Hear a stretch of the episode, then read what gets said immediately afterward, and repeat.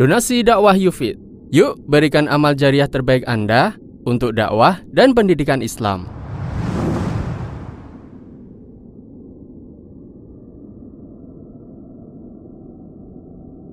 Bismillahirrahmanirrahim. Assalamualaikum warahmatullahi wabarakatuh. Alhamdulillahi alamin. والعاقبة للمتقين ولا عدوان إلا على الظالمين وصلى الله على نبينا وسيدنا محمد وعلى آله وصحبه أجمعين أما بعد Kita panjatkan puja dan syukur kehadirat Allah Subhanahu wa taala. Pada kesempatan malam yang berbahagia kali ini tanggal 20 Jumadal Ula 1440 Hijriah atau yang bertepatan dengan tanggal 25 Januari 2019 kita masih kembali diberi kekuatan, kesehatan, hidayah serta taufik dari Allah Jalla wa Ala sehingga kita bisa kembali menghadiri pengajian rutin untuk membahas adab dan akhlak di dalam Islam yang kita ambil dari kitab Bulughul Maram, Kitabul Jami' karya Imam Ibn Hajar Al-Asqalani rahimahullah.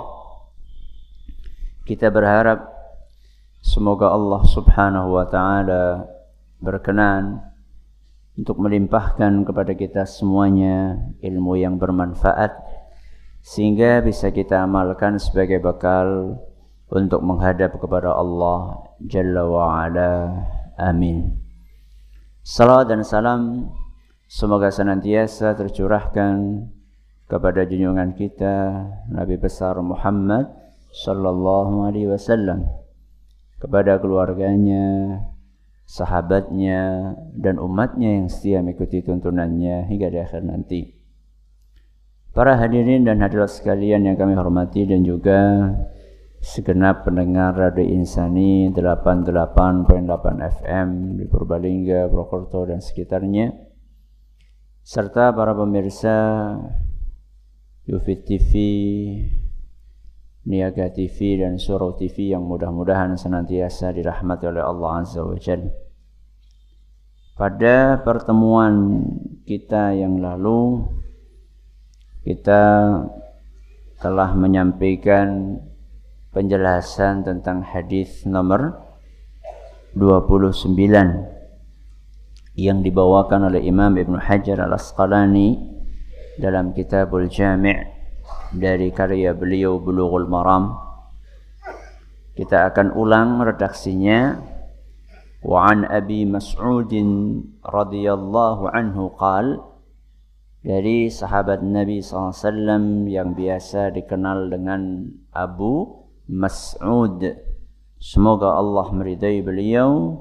Qala Rasulullah sallallahu alaihi wasallam Rasulullah sallallahu alaihi wasallam bersabda man dalla ala khairin falahu mithlu ajri fa'ilihi barang siapa yang mengajarkan kebaikan menunjukkan kebaikan kepada orang lain maka dia akan mendapatkan pahala sesuai dengan orang yang mengamalkan kebaikan tersebut rawahu muslim hadis yang diriwayatkan oleh Imam Muslim.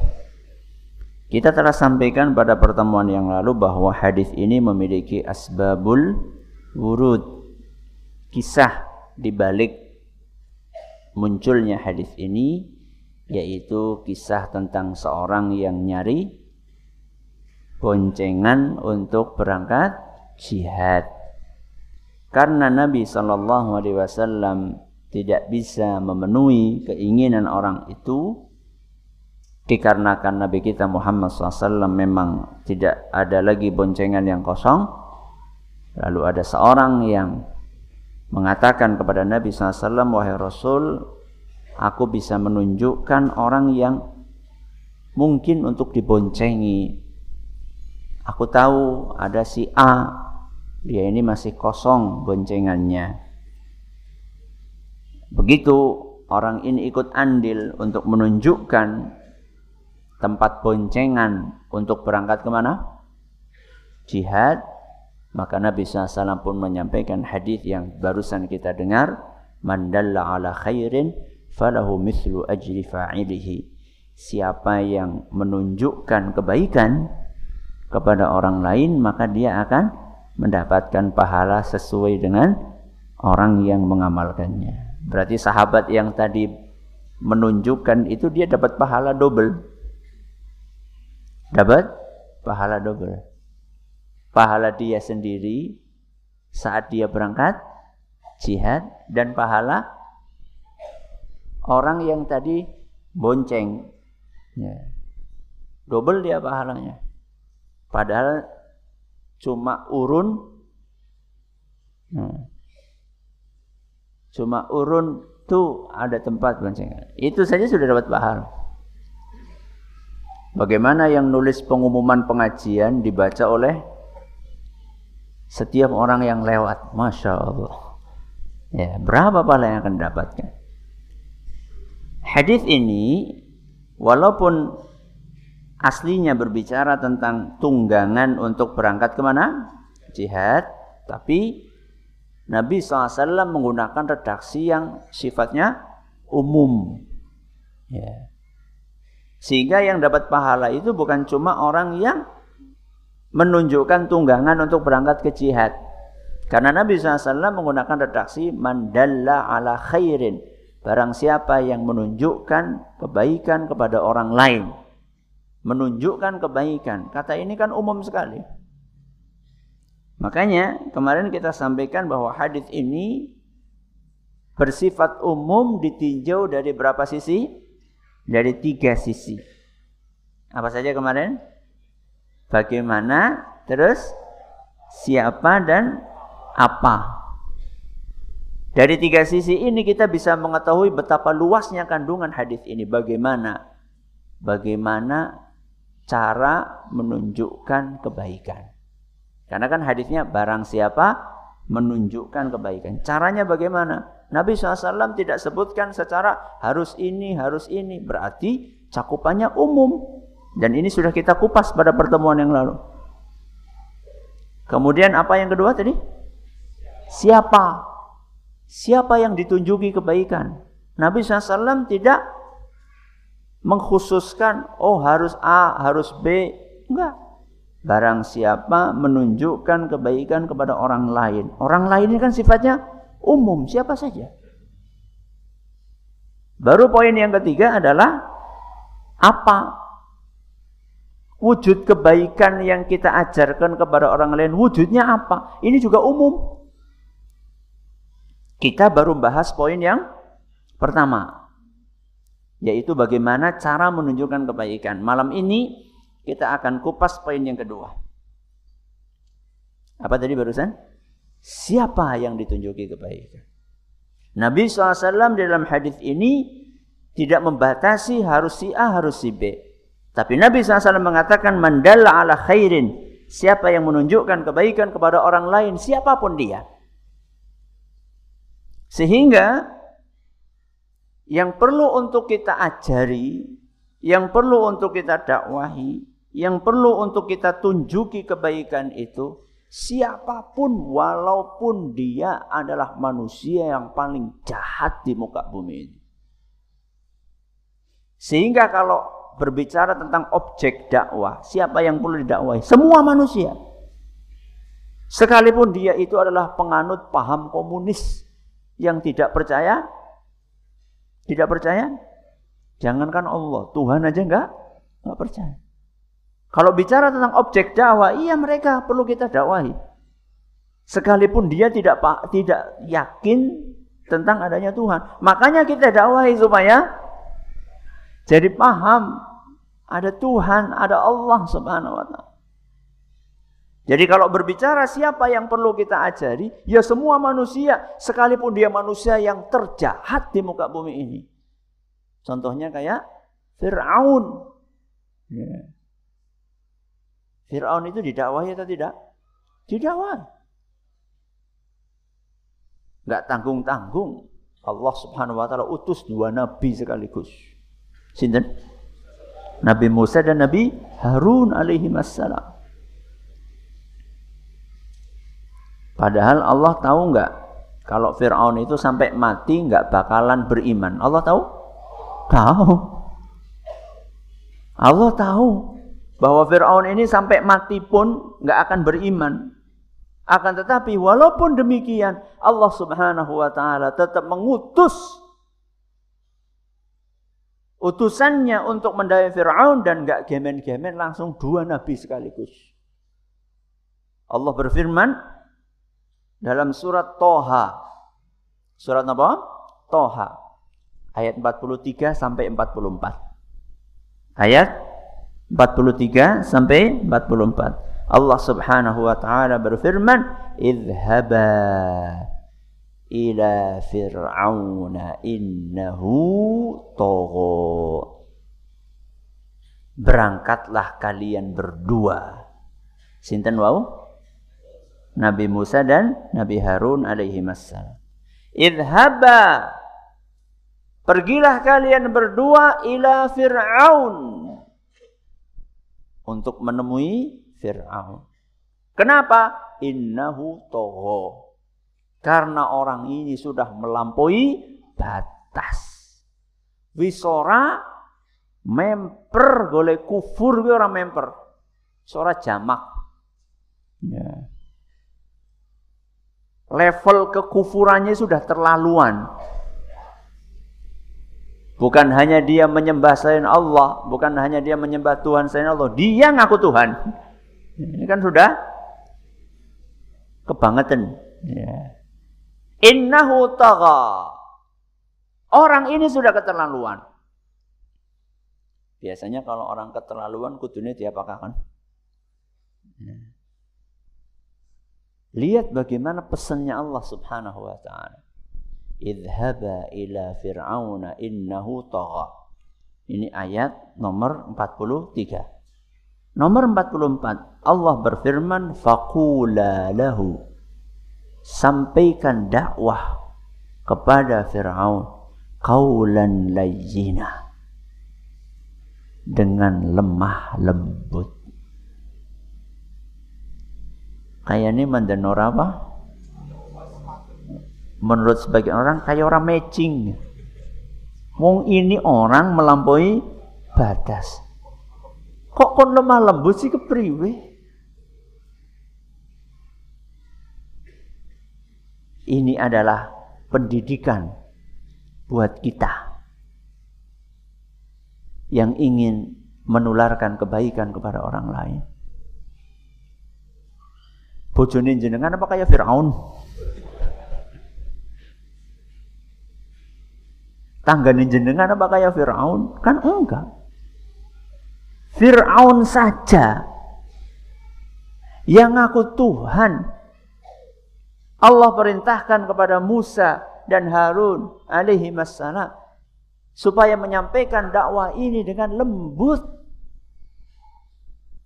Kenapa? La'allahu yatadzakkaru aw yakhsha. Siapa tahu Fir'aun itu dengan kelemah lembutan kalian berdua, wahai Musa dan Harun, bisa menerima. Karena secara hitung-hitungan, dakwah yang disampaikan dengan kelembutan, dengan dakwah yang disampaikan dengan kekasaran, secara hitung-hitungan, peluang untuk diterimanya lebih besar yang mana? Lemah lembut. Ada orang nggak sholat. Hei, sholat. Orang sholat mau neraka. Dengan, mas, monggo sholat. Insya Allah mudah-mudahan nanti kita bisa masuk surga. Ya. Dari dua cara ini, yang berpeluang secara hitung-hitungan manusiawi yang lebih berpeluang untuk diterima itu adalah yang dengan kelembutan. Ada kisah menarik disebutkan oleh para ahli sejarah tentang seorang raja yang bernama Harun ar-Rashid. Siapa? Harun ar-Rashid. Seorang khalifah kaum muslimin. Namanya manusia, pemimpin juga manu, manusia. Mungkin saja salah, mungkin saja keliru.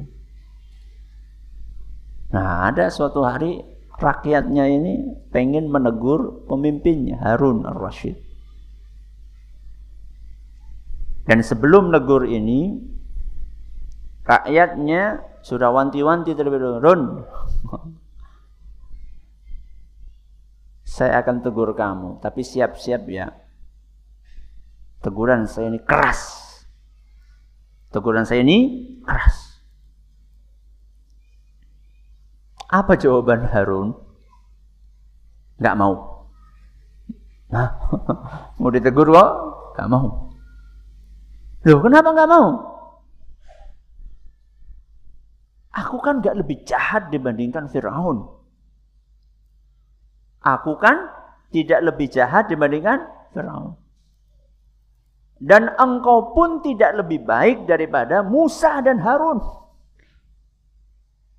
Apa kata beliau? Aku ini nggak lebih jahat daripada Fir'aun. Ya jelaslah Harun al-Rasyid orang Islam kok. Fir'aun kafir. Orang Islam yang punya kesalahan tetap tidak bisa disamakan, apalagi lebih parah dibandingkan orang kafir yang ngaku Tuhan. Dan engkau juga nggak lebih baik dibandingkan Musa. Terus apa hubungannya? Lawong sejahat Fir'aun saja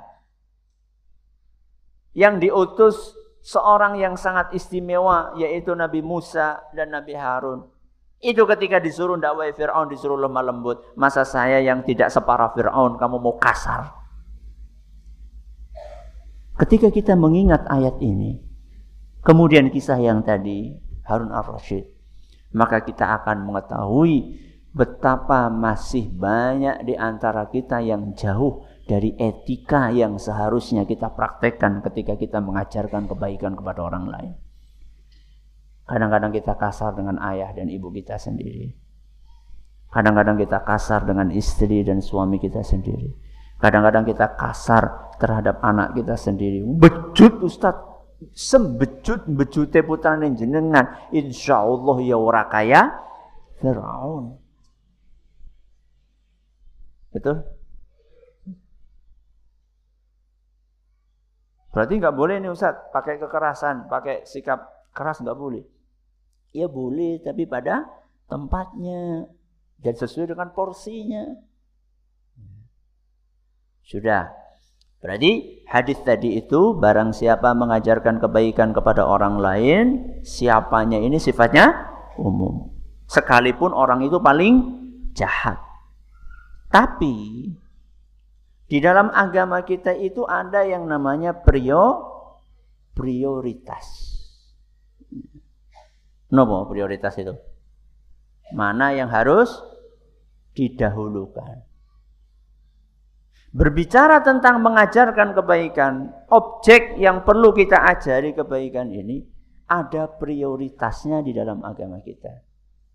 Maksudnya dari sekian banyak manusia yang hidup di dunia ini, mana yang harus kita dahulukan untuk kita ajari kebaikan? Ini namanya prio, prioritas. Penduduk dunia itu kan banyak banget. Yang gak usah dunia, Indonesia juga banyak. Gak usah Indonesia, Purwokerto juga banyak. Dari sekian orang yang ada di Purwokerto ini, ya apa kita datangi satu-satu ke rumahnya, atau ada yang seharusnya kita dahulukan untuk kita dakwahi. Ini yang namanya prio, prioritas. Jawabannya, ya harus ada yang kita dahulukan, yang kita prioritaskan. Siapa? Keluarga kita sendiri. Jadi ketika kita mendengar hadis yang tadi barusan kita bawakan, Barang siapa yang mengajarkan kebaikan kepada orang lain, maka dia akan mendapatkan pahala sesuai dengan orang yang mengamalkannya.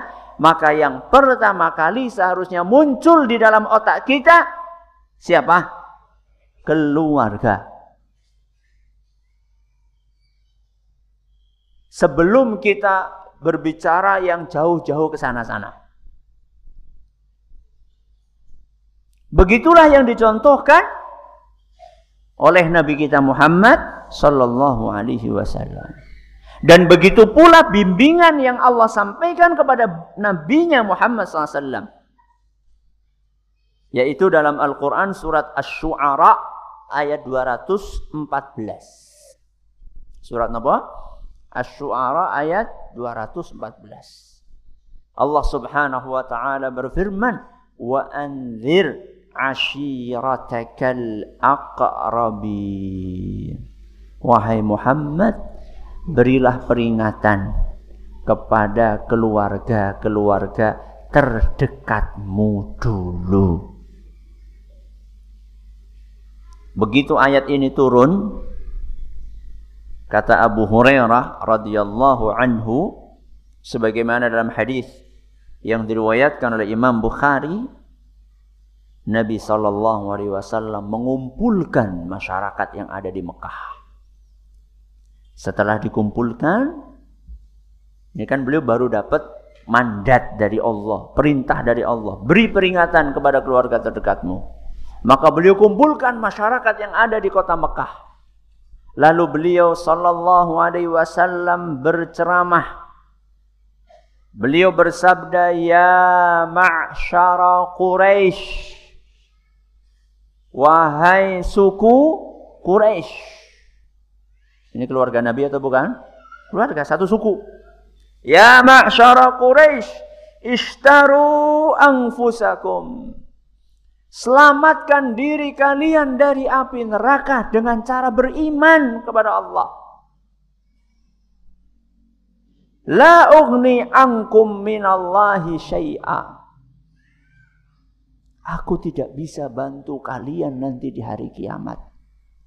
Kalau sampai kalian tidak ber, beriman. Sudah. Berarti Nabi SAW sedang mengajak suku Quraisy. Berhenti? Tidak. Nabi SAW melanjutkan sabdanya, Ya Bani Abdi Manaf. Wahai Bani Abdi Manaf. Jadi suku itu ada klan, klan, klan, klan. Ya. Ini klan Bani Abdi Manaf. Ini berarti lebih menyempit lagi. Ya. Nek carana dewek anak tunggal buyut, anak tunggal apa? Cangga, anak tunggal apa maning? tunggal mbah ya ini semakin menyempit lagi ya bani abdi manaf wahai bani abdi manaf la ugni ankum minallahi syai'a Aku tidak bisa membantu kalian nanti di hari kiamat. Walaupun kita satu klan. Kalau kalian tidak beriman kepada Allah. Cukup? Tidak. Lebih menyempit lagi. Ya Abbas Ibnu Abdul Muttalib. Sinten niku? Pamannya Nabi SAW. Lebih dekat lagi. La ugni anka syai'a. Aku enggak bisa bantu engkau kalau engkau tidak beriman. Nabi melanjutkan lagi. Ya Sofiyata. Ammata Rasulillah. Wahai Sofiyah. Bibinya Nabi. Kalau tadi pamannya Nabi. Wahai Sofiyah bibinya Nabi SAW. Aku tidak bisa la anki minallahi syai'a. Aku tidak bisa bantu engkau kalau engkau tidak beriman. Yang terakhir Nabi SAW panggil siapa? Putrinya sendiri. Yang lebih dekat lagi kepada beliau. Sinten? Fatimah. Ya Fatimah binta Muhammadin. Wahai Fatimah, putrinya Muhammad. Salini ma syi'ti mim mali. Kalau kamu butuh duit, kamu bisa minta kepada aku. Urusan dunia. Kamu kekurangan duit. Aku punya duit. Engkau bisa minta kepadaku. La ugni anki minallahi syai'a. Tapi hari kiamat nanti aku tidak bisa bantu engkau. Kalau engkau tidak beriman. Sinten niki? Fatimah. Fatimah. Darah dagang darah darah daging Nabi Muhammad SAW. Nabi SAW mengatakan, aku tidak bisa bantu engkau wahai Fatimah. Kalau sampai engkau tidak beriman. Jadi nggak benar. Asal keturunan keluarga Rasul SAW terus mesti selamat gue orang mesti. Tergantung beriman atau tidak. Jangan mengandalkan darah biru. Aku ki keturunannya kanjeng Nabi SAW mesti selamat. Ya. Ayo sing pengen selamat melu nyong. Ya. Yo awake urung mesti selamat. Ini Fatimah. Ini keturunan yang keberapa dari Nabi SAW? Langsung dari Nabi SAW. Darah dagingnya Nabi SAW langsung. Nabi SAW mengatakan, Wahai Fatimah, aku tidak bisa bantu engkau. Kalau engkau tidak beriman kepada Allah. Maka berimanlah kepada Allah. Nabi SAW ini sedang mengajarkan kepada kita yang namanya prioritas. Saya tanya, Fatimah itu dari klan Bani Abdi Manaf atau bukan? Iya. Fatimah itu dari suku Quraisy atau bukan? Iya. Berarti kan sebenarnya sejak awal ketika Nabi SAW bersabda, Wahai suku Quraisy, berimanlah kepada Allah, aku gak bisa bantu kalian. Sebenarnya dari awal, Fatimah, kemudian Abbas, kemudian Sofia, itu sebenarnya udah masuk apa belum? Sudah. Kenapa disebutkan lagi oleh Nabi SAW? Penegasan. Penegasan. Bahwa mereka walaupun punya hubungan kekerabatan. Sama saja. Sama yang lain. Kalau seandainya mereka tidak beriman. Sekaligus ini mengajarkan kepada kita bahwa Nabi Shallallahu Alaihi Wasallam sangat memprioritaskan dakwah kepada keluarga. Makanya perhatikan, orang-orang yang pertama masuk Islam siapa? Putrinya Nabi, istrinya Nabi, pamannya Nabi, Ali bin Abi Thalib, ya. Orang-orang dekat Nabi SAW. Kemudian baru rekan teman dekat beliau, sinten? Abu Bakar As-Siddiq. Ini yang namanya prio prioritas. Ya. Apakah ini hanya berlaku untuk Nabi kita Muhammad sallallahu alaihi wasallam saja? Jawabannya tidak. Kita umatnya Nabi sallallahu alaihi wasallam pun disuruh oleh Allah untuk mengikuti cara yang sudah dipraktekkan oleh Nabi SAW. Yaitu memprioritaskan orang-orang dekat untuk didakwahi. Ayat yang sering kita dengar. Surat apa? At-Tahrim. Surat At-Tahrim ayat 6. Apa bunyinya?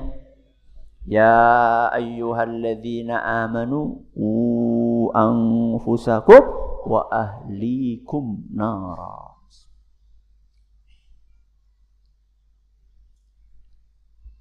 Ya ayyuhalladzina amanu wahai orang-orang yang beriman Ku anfusakum jaga diri kalian sendiri wa ahlikum kemudian keluarga kalian nara dari api neraka. Allah Subhanahu wa taala setelah mengingatkan kaum mukminin supaya menjaga dirinya sendiri dari api neraka langsung melanjutkan dengan mengatakan wa ahlikum dan keluarga kalian tidak jauh-jauh keluarga kalian. Keluarga terdekat kita, laki-laki, siapa? Istrinya. Perempuan, siapa? Suaminya. Suami istri, orang tua, siapa? Anaknya. Anak, siapa? Orang tuanya. Keluarga inti. Ini yang harus kita prioritaskan terlebih dahulu. Karena ini hukumnya fardu ain. Napa fardu ain? Wajib bagi kita. Kalau sampai kita tinggalkan kita dosa. Berbeda dengan dakwah kepada orang lain di luar keluarga. Itu hukumnya fardu kifayah. Bahkan ada sebagian ulama mengatakan mustahab, tapi yang lebih kuat insya Allah fardu kifayah. Fardu kifayah sama fardu ain, levelnya tinggi mana? Fardu ain. Kalau fardu kifayah, ada yang menunaikannya, maka kewajibannya gugur. Lah keluarga kita siapa yang akan mendakwai kalau bukan kita? Ngenteni tanggane? Apa ngenteni ustate? Kita ini yang ditunjuk oleh Allah dalam firman-Nya, "Ya ayyuhalladzina amanu qu anfusakum wa ahlikum nara." Kita ini yang dipanggil sama Allah. menjaga keluarga dari api neraka bagaimana? Ali bin Abi Thalib radhiyallahu anhu menjelaskan maksudnya kata beliau adibuhum alimuhum didik ajar keluarga kalian ajar bukan hajar didik keluarga kalian ajari mereka aja mobilnya tok sing dibungkus Ya. Kalau mobil, masya Allah, panas titik, udan titik, tutupi. Anaknya budak jorakan baik. Kasihan anak kita nanti. Sampai dewasa, sudah dewasa masih keluar rumah tanpa jilbab. Istrinya jenengan Okay. Masih gampang-gampang kadang-kadang punya warung di depan. Ah mengharap tok iki pak loh. Datakan udet-udet ana wong tuku, datakan jilbab kesuwen. Itu tanggung jawab kita. Istri nyapu di halaman nggak pakai jilbab. Itu tanggung jawab kita untuk mengingatkan. Bu jenengan bapak E suami jenengan sudah azan esi asyik esi asyik WA-an itu tanggung jawab jenengan Bu mengingatkan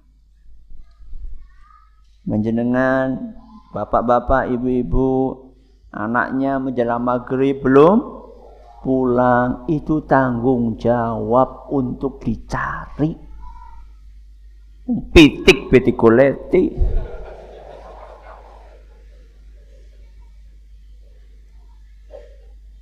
ya mau hilang Ustaz. Anak ada yang ngerti dalan loh. Mas orang ngerti dalan. Bukan masalah ngerti dalan jenengan sudah menunaikan tugas yang Allah mandatkan kepada jenengan atau belum itu pertanyaannya ini mandat dari Allah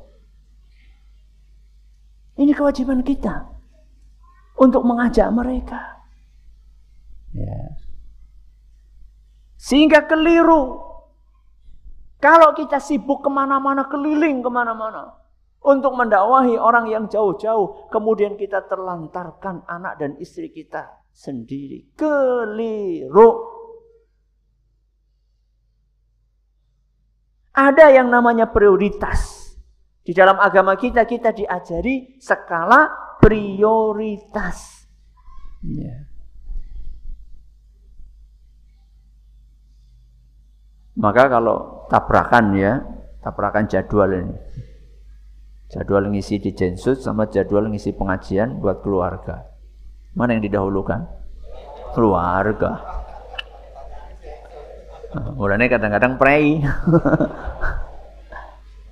Ya. Ada prio prioritas. Ustaznya bola balik pria, prai bola balik prai.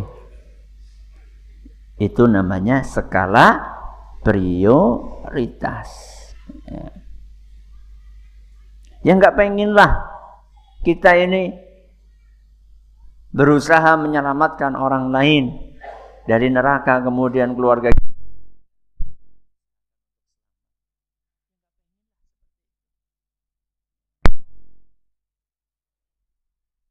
Bapak-bapak, ibu-ibu yang belajar tinggi-tinggi sampai S1, S2, S3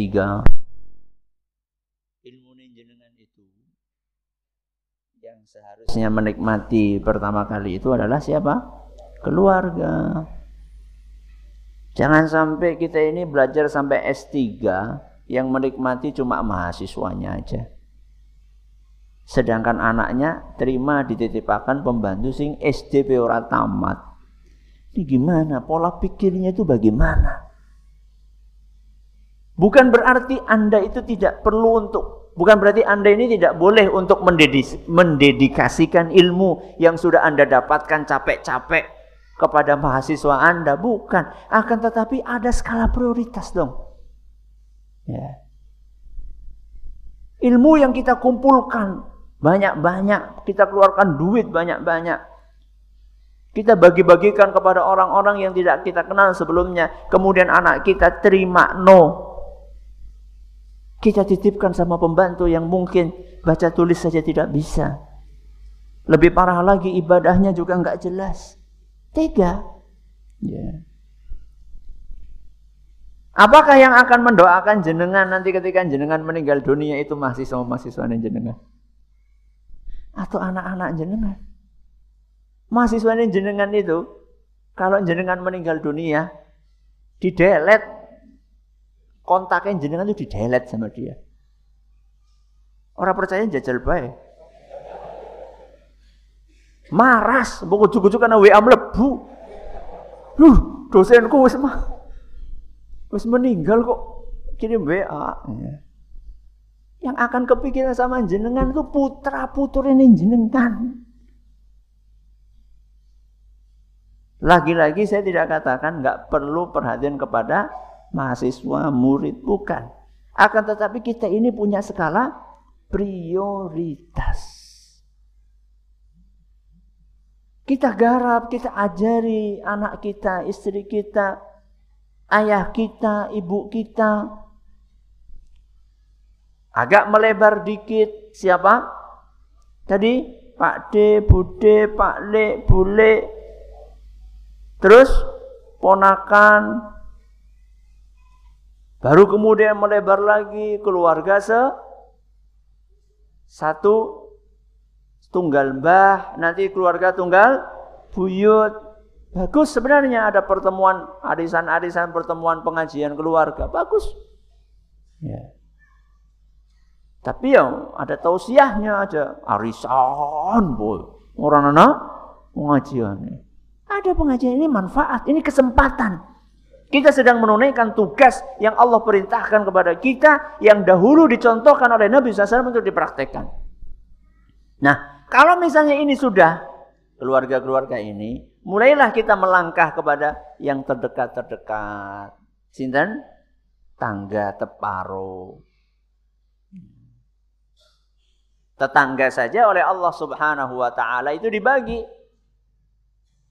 Wal jaridil kurba wal jaril junubi. Ada tetangga dekat, ada tetangga jauh.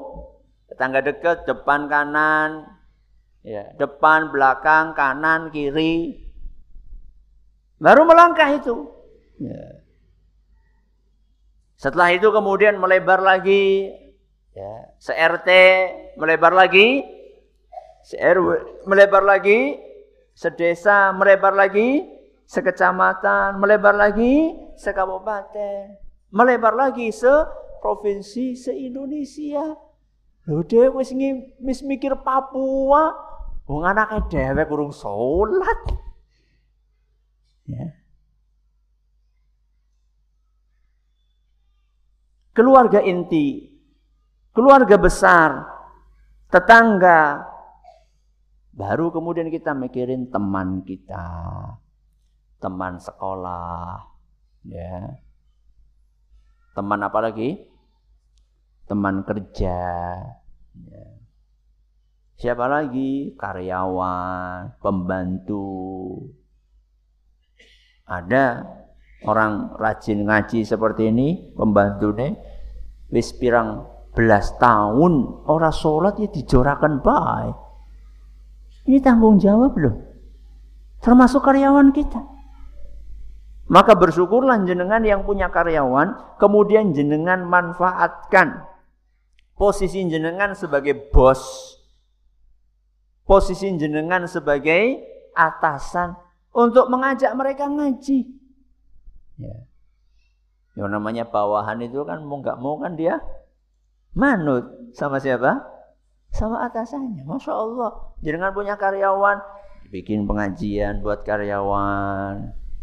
Kalau memang belum bisa ya minimal setelkan pengajian di tempat kerja. Sehingga mereka sambil bekerja sambil ngaji.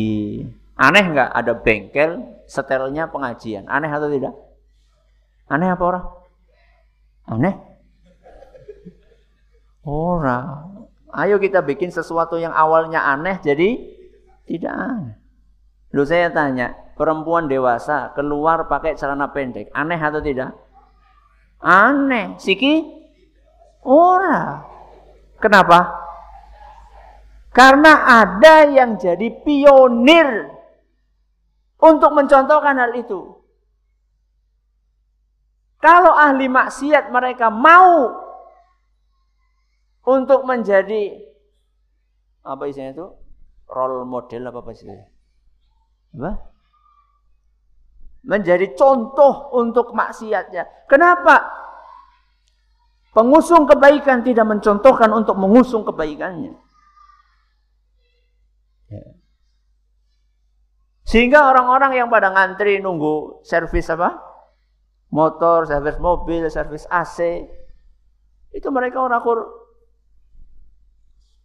ya bengong ya. Tapi ada masuk pengajian ya. Bawahan kita. Ustaz kalau kita bawahan Ustaz, kita ndak wahi majikan. Ya ndak apa-apa. Yang penting ya ada etikanya. Ada etikanya. Banyak loh kejadian-kejadian sopir mendakwahi majikannya. Ya. Caranya bagaimana? Itu yang saya ceritakan kemarin. Cuma modal radio saja, gelombang saja. Ya setel gelombang itu. Walaupun mungkin kadang-kadang besoknya diganti lagi sama siapa? sama majikannya. Besoknya dia setel lagi. Selama tidak dimarah-marahin sudah setel aja. Akhirnya lama-lama majikannya ini terbawa sama sopirnya. Ini terbawa yang positif ini yang seperti ini. Ya. Monggo silakan. Alhamdulillahirabbil alamin wassalatu wassalamu ala nabiyina Muhammadin wa ala alihi wa sahbihi ajma'in ma ba'd. Ini adalah poin yang kedua. Apa tadi? Siapa yang diajari kebaikan? Jawabannya adalah semua orang. Tapi ada prioritasnya. Siapa yang diprioritaskan? Keluarga kita, baru kemudian melangkah kepada orang lain yang dekat dengan kita. Wallahu a'lam bishawab. Insyaallah kita akan lanjutkan poin berikutnya yang terakhir yaitu apa wujud kebaikan yang kita ajarkan pada orang lain. Ustaz, kalau kita mengajarkan kebaikan kepada orang kafir, apakah kita dapat pahala? Kita kalau mengajarkan kebaikan kepada orang lain, kita dapat pahala insya Allah. Kalau kita ikhlas. Nabi kita Muhammad SAW dahulu objek dakwahnya rata-rata lah orang kafir. Ya. Masyarakat Mekah saat itu rata-rata kafir. Ya.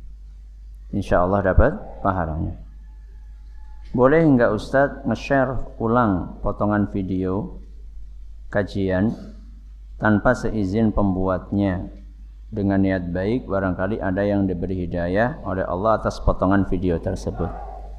Biasanya orang bikin cuplikan video itu biasanya itu memang dengan maksud untuk di-share. Buktinya dia upload. Buktinya dia upload. Kecuali kalau dia simpan di dalam uh, tempat yang privasi. dia simpen itu di komputer dia sendiri, tidak dia upload kemudian jenengan pinjem komputernya lalu jenengan ambil di share. Ini harus izin. Tapi ketika orang sudah mengupload apalagi di media yang bisa diakses oleh semua orang, YouTube dan yang semisalnya, berarti seakan-akan dia ini sudah melegalkan untuk di share. Kecuali kemudian kalau Anda mengambil itu kemudian Anda mendomplingkan kepentingan Anda pribadi. Misalnya Anda pasang donasi di situ. Nah, ini lain masalah. Ini lain masalah. Tapi ketika itu pure ya murni tanpa ada Anda robah-robah termasuk juga Gak boleh kalau Anda tambah-tambahi sesuatu yang belum tentu Ustadz yang ada dalam video itu berkenan.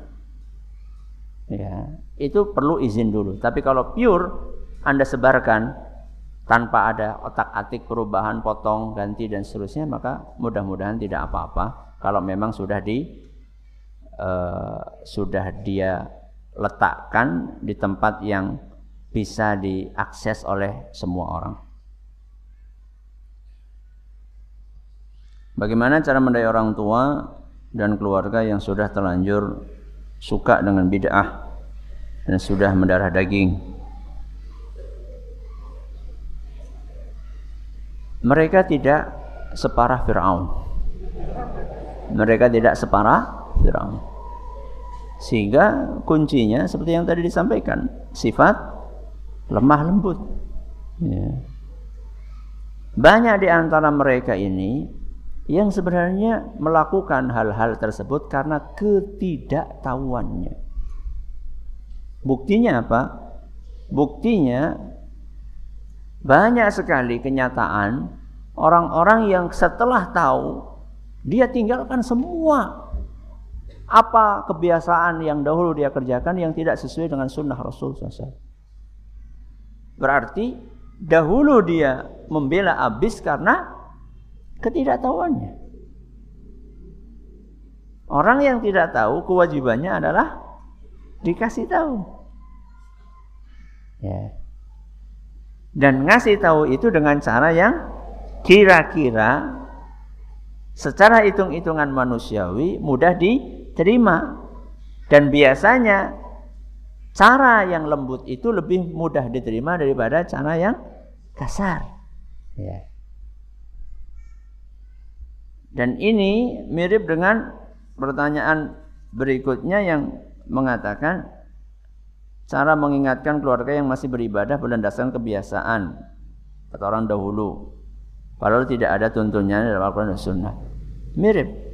Ketika kita mendawai orang yang terbiasa melakukan bid'ah, atau melakukan hal-hal yang tidak dicontohkan oleh Nabi kita Muhammad SAW dalam ibadah, itu kita perlu faham bahwa orang itu punya landasan. Punya landasan. Kalau kita ingin membuat sebuah perubahan, maka landasannya ini harus dirubah dulu. Apa itu? Kita perlu menjelaskan kepada mereka bahwa ibadah yang kita kerjakan itu kan kita ingin supaya diterima. Ada nggak orang beribadah kemudian dia itu nggak ada harapan supaya ibadahnya diterima? Rata-rata orang beramal itu kan pengen amalnya diterima. Nah, lewat pintu inilah kita menanamkan pondasi dalam beribadah bahwa beribadah supaya diterima oleh Allah Subhanahu wa taala sudah dijelaskan syaratnya. Yang pertama ikhlas yang kedua sesuai dengan tuntunan. Ini saja kita tanamkan yang lama dan terus menerus tanpa pertama langsung menyebutkan contohnya sing ora sesuai tuntunan G kayak jenengan biasanya kayak gigi kayak gigi kayak gigi gue dakwah itu jangan gerusa, gerusu. Ya. Dakwah itu butuh proses. Wong itu sudah hobi dia sekian belas tahun. Ujug-ujug jenengan nembe ngaji wingi. Kuwi ora bener, Bu. Si kepriwe? Ya. Rubah dulu cara beliau berpikir. Ya. Pola pikirnya ibadah itu harusnya gini, gini, gini. Menanamkan ini saja itu butuh waktu. Tapi kalau itu berhasil ditanamkan, tidak perlu capek-capek. Dia akan tinggalkan seluruh amalan-amalan yang ternyata setelah kemudian hari baru ketahuan tidak ada contohnya dari Nabi SAW. Terus kalau jelas, kalau jenengan bingung, ajak ngaji. Ajak apa? Ngaji. Hadir pengajian. Ya. Dan ketika jenengan ngajak pengajian itu nggak usah ditakut-takut ibu. Kalau ngaji ke sana pakaiannya kudu kayak gie. Ya. Jadi sing mandan memper, jadi orang patia beda dewek. Ya. Gak perlu, sudah hadir aja pengajian. Ya. Biar nanti dia sendiri akan tengok kanan, tengok kiri. Aku jeneng kayak beda dewek neng. Kemudian dia mulai menyesuaikan. Biar itu berjalan secara alami. Bukan berarti kita nggak perlu untuk mengajarkan, perlu. Tapi ada prosesnya. Ada prosesnya. Ya.